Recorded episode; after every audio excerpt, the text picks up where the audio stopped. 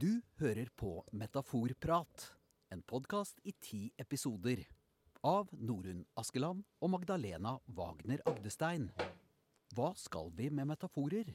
Hvordan brukes de? Og hva gjør metaforene med oss?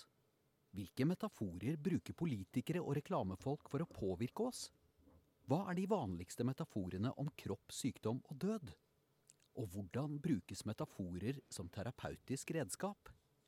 Dette og mye mer kan du høre om i denne podkasten, og dermed bli bedre kjent med metaforenes vesen og virke.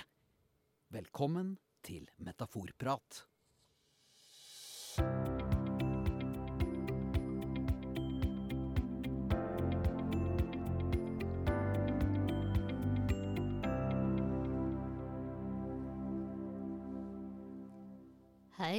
Velkommen til episode fire i vår podkast Metaforprat.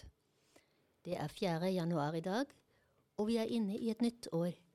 I de siste podkastene snakket vi om metaforer om politikk, metaforer om korona og metaforer om abort. I dag skal vi prate om helt andre temaer, nemlig om metaforer om kvinner og menn, og om vin. Det blir altså en lett blanding i dag, en nyttårscocktail så å si.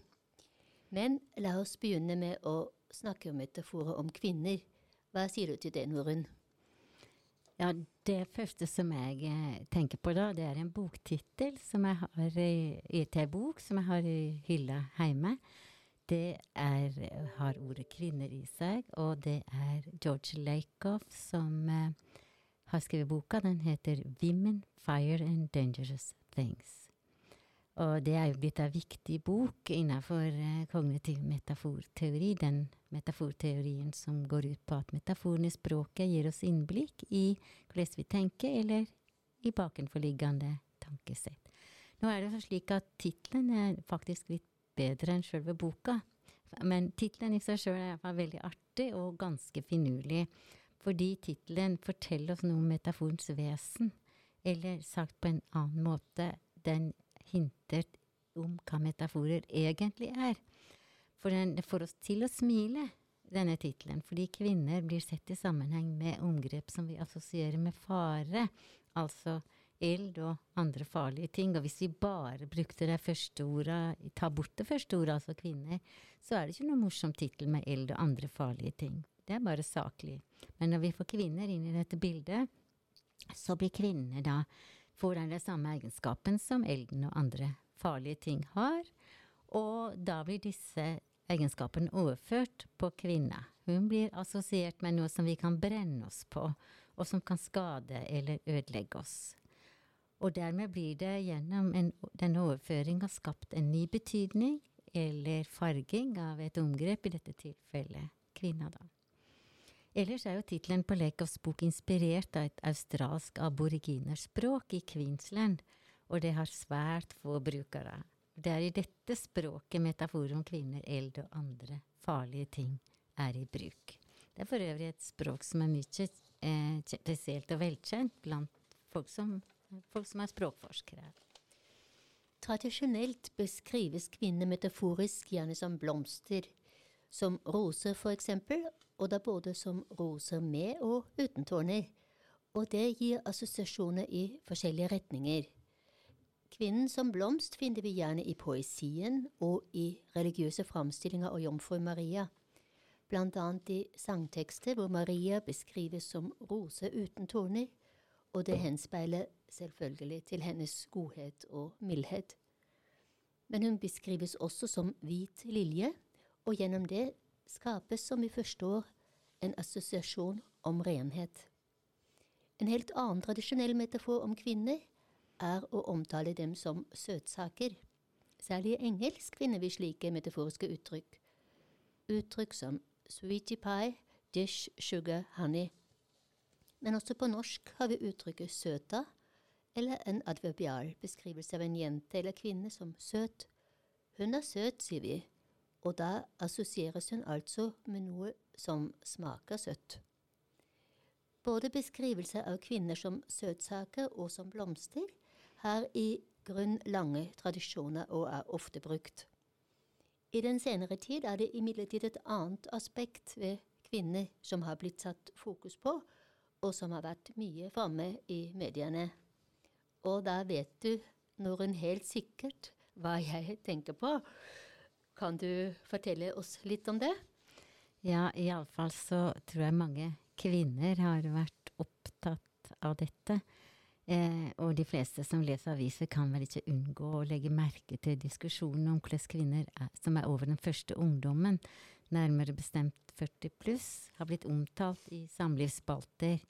Eh, det handla om å bli omtalt som varer på en marknad. Og det begynte kanskje med en dame som var på denne alderen, Hun søkte råd om hvordan hun skulle finne en mann. Og det gjorde hun da altså i en samlivsspalte, og fikk eh, etter hvert da svar, ikke bare fra én, men fra to kjente psykologer. Og rådet gikk ut på å senke krava litt, og se seg sjøl i en litt større sammenheng, og huske på at en kvinne på 40 pluss har lågere marknadsverdi eller seksuell eller erotisk kapital enn ei yngre kvinne. Dette opprørte mange kvinner, og det kom protester i mange medier, Og det folk mente var feil, da, det var omtalte kvinner som varer på en marked. Og protesterte da med andre ord på metaforen vare brukt om kvinner. Men psykologene på sin side de mente de hadde brukt et godt innarbeidet faglig uttrykk når de snakka om marknadsverdi og erotisk kapital. Det var jo et, et, et, et faguttrykk både i sosiologi og psykologi. Ja, nå var det kanskje litt streng med våre psykologer. Uh, at uh, jeg tror det gjaldt en kvinne med 50 pluss du egentlig hadde i tankene. Så vi må være litt, litt, greie mot våre medsøstre. Vel. Men når man bruker ordet kapital om graden av seksuell eller erotisk tiltrekning, er vi igjen innenfor tankerammen kjønnsmarked, nemlig det å se på kroppen som en vare. Jeg har inntrykk av at kapitalmetaforen er svært utbredt i våre dager, og at den brukes i mange sammenhenger, og også i akademisk språk. Ja, og det har du da for så vidt helt rett i. Det er faktisk en av de mest brukte metaforene i akademisk språk for tida. Og det ser ut til at bruken bare øker og øker, og det gjelder jo særlig innenfor samfunnsvitenskapene, som vanligvis er opptatt av begrep. da. Og det vi kan se, er at kapitalmetaforen har blitt brukt på stadig nye områder, og har vandra mellom det som vi kan kalle ulike diskurser, altså forskjellige språkarenaer, som for eksempel fagspråk. Eller ulike fagspråk, men det kan også vandre mellom fagspråk og dagligspråk, og da skjer det ting som gjør at misforståelser kan oppstå, eller at han bruker ord på ulike måter. Eh, I Sosiologisk tidsskrift i 2009 var Torkil Hovde Lyngstad eh, tok, fatt, tok, han fatt på et stort arbeid om hvordan kapitalomgrepet er blitt brukt da, i sosiologi og annen samfunnsvitenskap. Og ikke bare det, men også i andre fag. Og han undersøkte både Google-skaller og andre nettsteder for vitenskapelige tekster. Da, og har funnet nesten 50 ulike måter å bruke omgrepet på. Og husk på at dette var i 2009. Og hva, tenk på hva som har skjedd etterpå. Men det han da fant da, i perioden etter at den kjente sosiologen Pierre Bourdieu brukte det i 1986 eh, for å beskrive det han kalte kulturell kapital, eh, det som på en måte ikke ikke er med, Jeg kan ha med penger å gjøre, men det er ikke det som er det viktigste ved det. Det er den andre ting ved et menneske, f.eks. måten det oppfører seg på, måten det går på, måten det snakker på, for den saks skyld, eller fører seg på, og som her man kan skille mellom hva slags ulike bakgrunner folk har.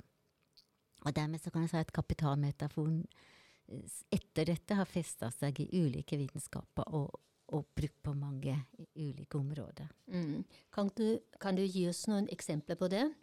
Ja, akkurat det er ganske lett. da, fordi Lingvistisk kapital, f.eks., det har blitt brukt om barns språkkunnskaper og sjøltillit i språkbruk.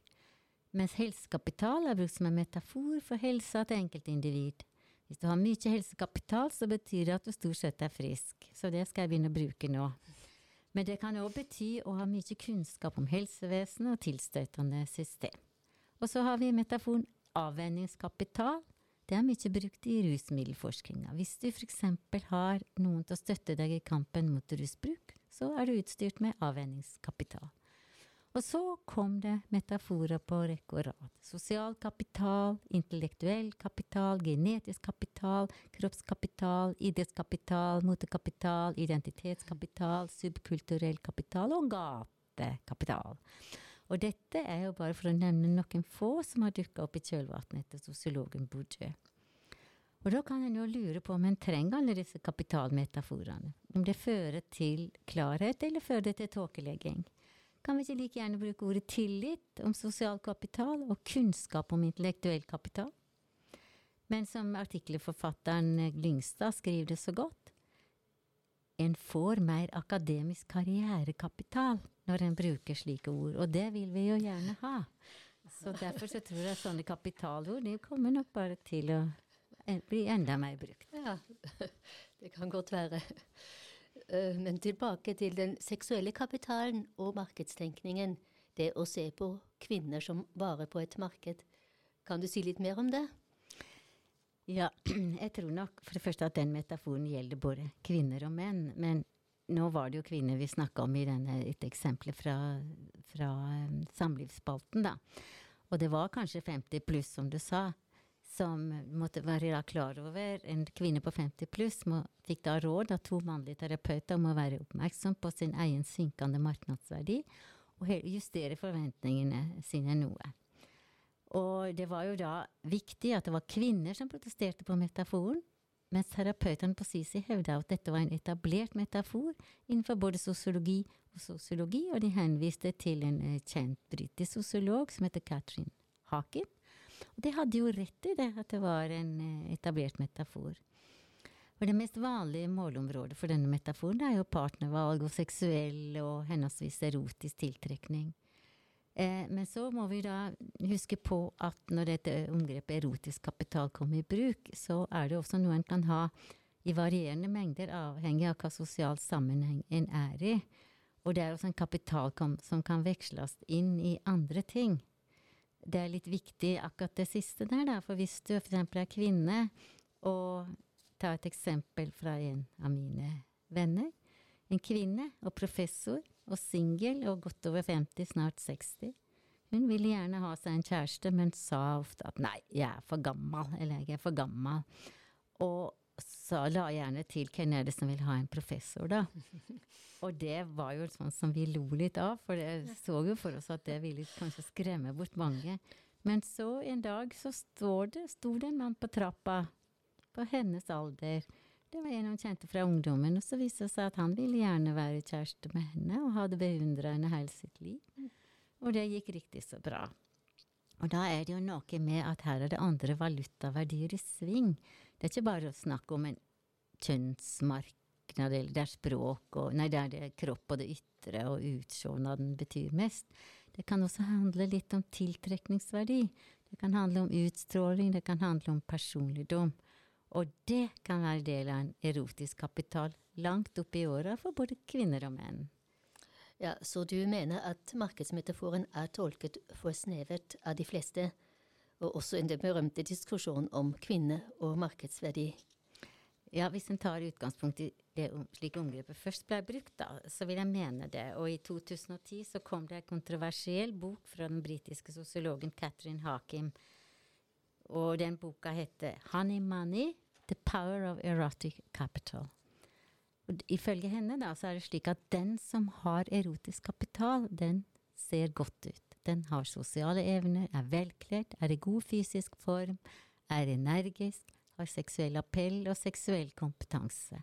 Det høres kanskje litt voldsomt ut, men hun mener at mange har dette, og at særlig kvinner da har mer armslag for å utnytte denne kapitalen fordi hun mener at flere menn enn kvinner ønsker sex. Altså sex er mer verdifullt for menn enn kanskje for kvinner, da. Eh, og derfor vil de kvinnene som har og utnytter sin erotiske kapital, ha en stor fordel. Men så har kanskje kritikerne tolka metaforen snevrere enn ment. Og hun har fått mye kritikk, bl.a. fra feminister som har kalla boka henne for bullshit. Og mange andre har sagt at oppfatning henne av at kvinner er mindre interessert i sex enn menn, er veldig gammeldags. Men så har Hakem igjen sagt at dette det er ikke billedskjønne kvinner hun tenker på, men det er heller kvinner som har gjort karriere med en vanlig utsjånad, som har erotisk utstråling i kraft av personligdom og sosiale evner. Og uansett så er det flere som har støtta henne og sagt at hun har moderne ideer som kan vise kvinner hvordan de kan erobre sin egen erotiske kapital, og ikke benekte eller undertrykke den. Så dette, den diskusjonen kommer nok til å fortsette litt, og metaforen om kvinners verdi, eventuelt marknadsverdi, da, vil få lang levetid, og det vil dukke opp nye metaforer. Men det som er interessant med denne kapitalmetaforen, uansett på området den er brukt på, er at den viser hvordan kapitalismen erobrer flere og flere livsområder. Og, og, språklig, ikke minst. da.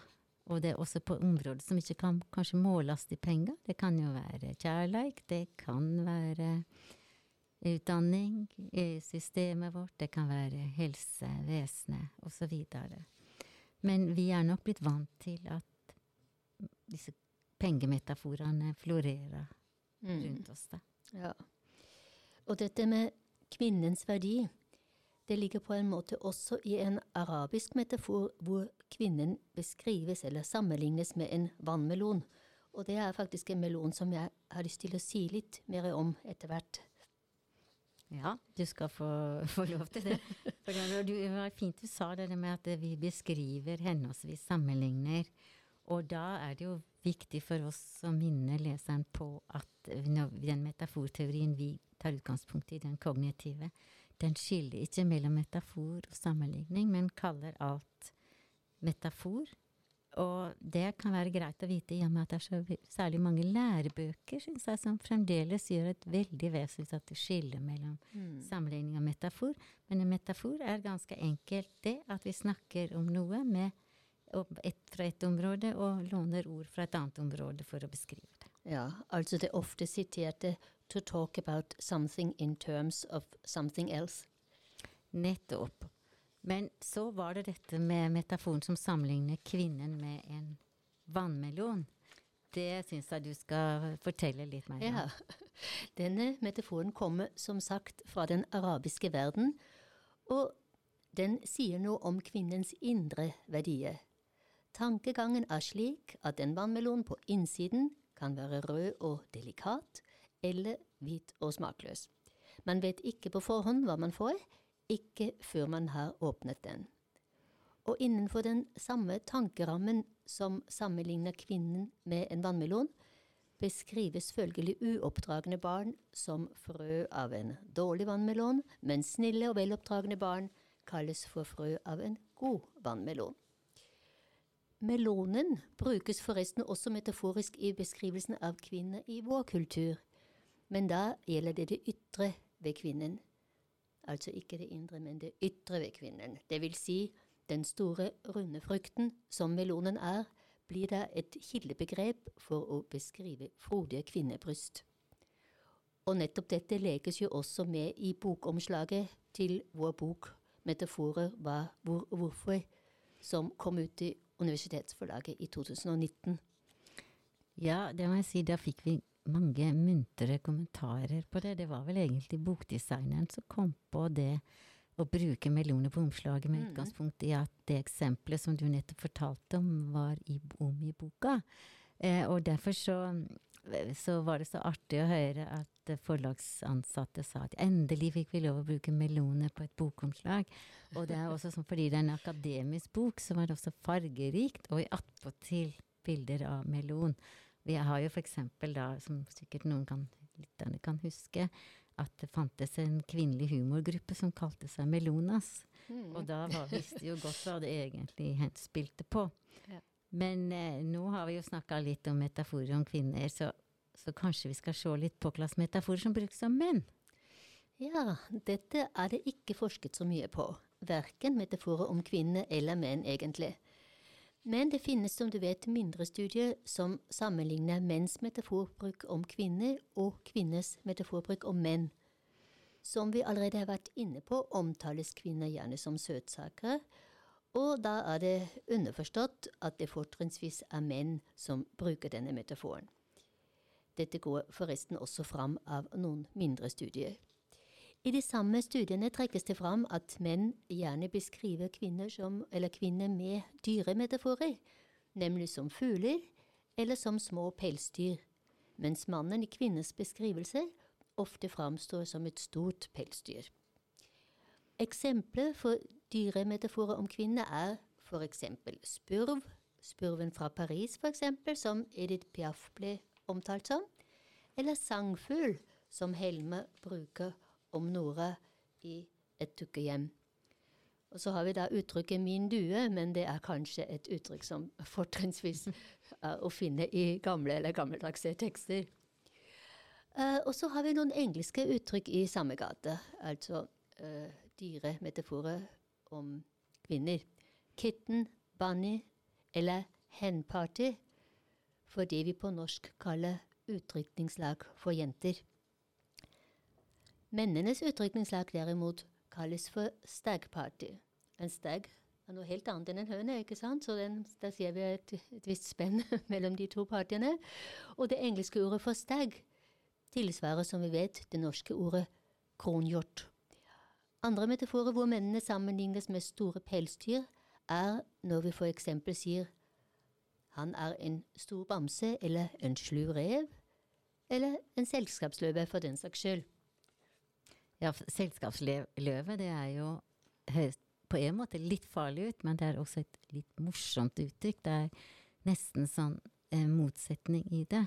Og jeg lurte av og til på, jeg lurte på kan det være det samme som mora mi av og til kalte når hun så visse menn, så sa hun 'han er en blåser'. Og da tenkte jeg ja, det er en som skal vise seg, på en måte, så kanskje egentlig ikke er så tøff som man ser ut. Men uansett, da, så når man tenker på selskapsstøvet, så tenker man også på kanskje fest og vin, da. Og i boka vår, denne 'Metaforer hva, hvor og hvorfor', der snakker vi blant annet om den østerrikske vinen Black Betty. Og det skal vi komme inn på, men før det så kanskje minne om at det som skjer i metaforen, er at vi har med ei overføring å gjøre. Vi henter altså betydning fra ett omgrepsområde, som vi kaller for kildeområdet, eller kjeldeområdet, for å gi det vi snakka om, ei ny betydning eller en ny valør. Nå har ikke kvinner og vin eh, som enkeltstående omgrep noe med, ut, med, hverandre å gjøre i utgangspunktet. Men hvis det er sånn at du tar en vin og gir den et kvinnenavn, og beskriver vinen på etiketten som forførerisk, og som ei kvinne du kan kjøpe tjenester av for penger, da sammenligner du eller jamfører du vindrikking med seksuell nyting.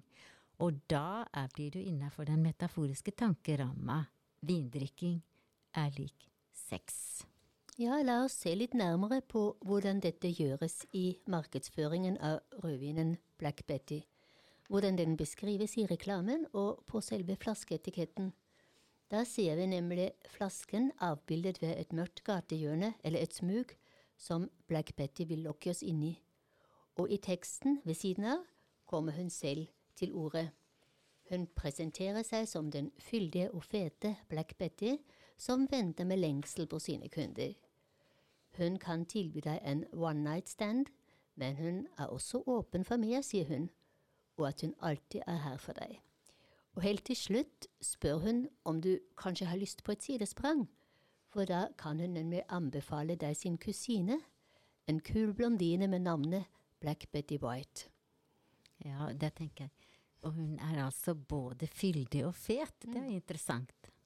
Ja, det er også noe vi kanskje snart sier litt mer om. Uh, ja, det skal vi ha i mente. Uh, men ja, å bruke sex som kildeområde i metaforer om vin er ikke mulig i alle kulturer. I Norge, hvor vi har en mer restriktiv og statlig styrt alkoholpolitikk, blir en slik reklame for drøy og viner med etiketter med et sammenlignbart metaforisk innhold kan ikke markedsføres og selges gjennom Vinmonopolet. Det har vi for ikke så lenge siden sett et eksempel på, da Vinmonopolet måtte trekke tilbake vinflasker med etiketter som hadde denne type reklame. Vinen het Sorgasme og hadde bilde av en naken kvinne i en nokså utfordrende posisjon på etiketten. Eh, det å sammenligne vin med en kvinne hvis tjeneste du kan kjøpe deg for penger, er kanskje litt spesielt. Men sett i et større perspektiv kan vi si at det å beskrive eller karakterisere vin metaforisk gjennom kildeområdene kropp og personlighet, er likevel ganske vanlig i vinspråket. Ifølge, ifølge metaforforskeren Suarez Toste kommer man ikke utenom kildeområdet kropp i beskrivelse av vin. I avisens vinspalte og i Vinmonopolets brosjyre finner vi en rekke eksempler på hvordan vin beskrives gjennom kroppsmetaforer og personlighetstrekk. Du har jo også jobbet en del med vinmetaforer, Norun. Kan du gi oss noen eksempler på dette med kroppsmetafor og personlighetstrekk som tilskrives vinen? Ja, det, skal, det, kan jeg godt gjøre. Jeg har jo jobba litt med det i, med et mindre pilotprosjekt, men ga det i grunnen litt opp fordi at jeg opplevde at, at uh, vinspråket kunne være nesten litt sånn jålete og litt tomt for mening. Men akkurat det du nevner her med kropp og personlighet, der er det en del å hente eh, for å beskrive akkurat eh, vinspråket, da. Og vinekspertene de pleier ofte å snakke om vinens kropp eller body når de skal beskrive vinens struktur og denne, og denne smak, smaksopplevelsen som er en bestemt blanding av alkohol, syrer og tanniner. da. Da blir det ofte sagt at vinen er fullbodied eller robust. Jeg kan også bruke ordet flashy. Og når de skal beskrive tannininnholdet, så bruker de ofte ord som backbone eller spine, eller på norsk da vinens ryggrad. Og det er ikke så uvanlig å bruke både norske og engelske ord i, i omtalen av vin, da. Og jeg syns det er fortjenstfullt av Vinmonopolet, som har, de har liksom en språkpolitikk. Og de brosjyrene de gir ut, da, så bruker de kanskje ord som fet, Eh, ikke feit, det kan vi legge merke til. Mm. Mager, frodig og livlig. Når en skal prøve å beskrive hvordan vinen føles i munnen. Eh, og det er, det er begrep som folk kan forstå. tror jeg. Det blir verre når man begynner å snakke om at vin smaker lær, eller så videre. Som en del jåle folk gjør, men som ikke Vinmonopolet sine eksperter eh, er skyldig, syns jeg, da. Men hvis en skal gi, beskrive den vinen og med personlige kalles personlige egenskaper den har, så blir det ofte at både brosjyrer og vinsmakere beskriver vinen som sexy, sanselig, lukka eller, og, eller energisk. Og man står litt i fare for å bli altså Noen av disse ordene kan jo bli litt tomme, andre er mer tydelige. Men det, vi er kanskje litt i gate med det kapitalomgrepet vi snakka om, som brukes for at man bruker kanskje dette her for å få akademisk kapital, eller i dette tilfellet en slags eh, vinkapital, eller vinkompetansekapital. ja. ja, det kan vi godt si. Jeg har i hvert fall prøvd å prøver, prøver de seg på det. Mm. Ja. Et annet kildeområde som vin beskrives med, er gull. I det tyske språkområdet omtales hvitvin gjerne som gylne dråper eller flytende gull altså med metaforen vin er gull og ikke bare en drikk. Vinen framstilles som noe som er kostbart, og det er jo absolutt noe i det, for vinproduksjon har vært en viktig næringsgren i mange hundre år, og vin har vært en utbredt drikk både til hverdag og fest i lang, lang tid. En annen populær metafor som brukes om vin, er metaforen vin er blod. I katolske områder eller land som Østerrike, Sør-Tyskland, Spania og Frankrike er vinen jo også knyttet til religiøse handlinger, det vil si til nattverd, og det stadfestes hver gang at dette er Jesu blod. I, eh, i lutherske kirkesamfunn fungerer altavinen, som vi vet, bare som en symbolsk trikk for Jesu blod. Men også en sammenligning er en metafor, som vi allerede har sagt i dag. For en god del år siden fantes det i Vinmonopolets sortiment en ungarsk rødvin med navnet Okseblod. Navnet går tilbake til en historisk hendelse på 1700-tallet, nemlig til en mislykket invasjon av tyrkiske soldater. Ungarerne forsvarte sitt land og jagde inntrengerne ut. Og det ble sagt at ungarernes uovervinnelige styrke kom av at de blandet okseblod i vinen sin. I dag finner vi ikke den opprinnelige okseblodvinen lenger i Vinmonopolets lister, men mange vil huske den som en populær rødvin. Men det er sikkert ikke så mange som har vært klar over at betegnelsen okseblod faktisk hadde en sammenheng med en historisk hendelse. Nei, det er nok så. Og det som eh, er litt interessant altså når vi ser på vin sånn stort sett, da, det er jo at eh, om ikke du får akkurat denne vinen som du snakka om der, så finner du jo veldig mye annet som eh, Vinmonopolet byr på. Nå skal ikke jeg lage noe reklame for Vinmonopolet, men jeg tror vi er ganske heldige som får veldig mye kvalitetssikra vin gjennom den, skal vi si, forretningen. Og vi finner også massevis vin fra denne regionen og fra andre regioner, som vi nå kanskje nettopp har hatt både til juletorsk og annen mat på bordet i, jula. Men eh, nå er det vel godt da at jula er over, og at mange også har begynt på en hvit januar. Ja, hvit januar, sa du. Da brukte du en ny metafor. Og noe sier meg at du da ikke tenkte på snøen og det hvite som ellers følger med med den. Ja, jeg har jo, jeg har jo hatt kolleger som har hvert eneste år har sagt at de skal ha en hvit januar, og med det mente de at de ikke skulle drikke alkohol i løpet av hele den måneden. Og vi har vel også sånn hørt folk si at de skal ha hvite dager i løpet av ei uke, og de skal ha hvite uker. Eller det til og med en helt hvit måned, da, som gjerne var januar. Og nå har jo vi vi er jo inne i måned, en måned nå der vi må også ha hvite restaurantbesøk, fordi det er skjenkeforbud mm. eh, i, på restaurantene, og det går visst veldig bra. Men det betyr jo at vi da, hvis vi skal ha noe som minner om alkohol når vi har gått på restaurant, så må, må vi da bestille alkoholfri øl eller noe annet som, som er iallfall uansett alkoholfritt. Mm. Når jeg tenker meg om, så har jeg faktisk sett alkoholfritt øl i butikken hvor det sto 'Hvit jul' på flaskeetiketten. Hvit jul er bra, og noen hvite uker etter jul og nyttår er sikkert sunt for kroppen og bra for lommeboka, tenker jeg. Og med dette har vi vel kommet til veis ende for i dag. Så ønsker vi våre lyttere et riktig godt nyttår og en riktig god januarmåned. Vi kommer tilbake med ny podkast om noen uker. På gjenhør.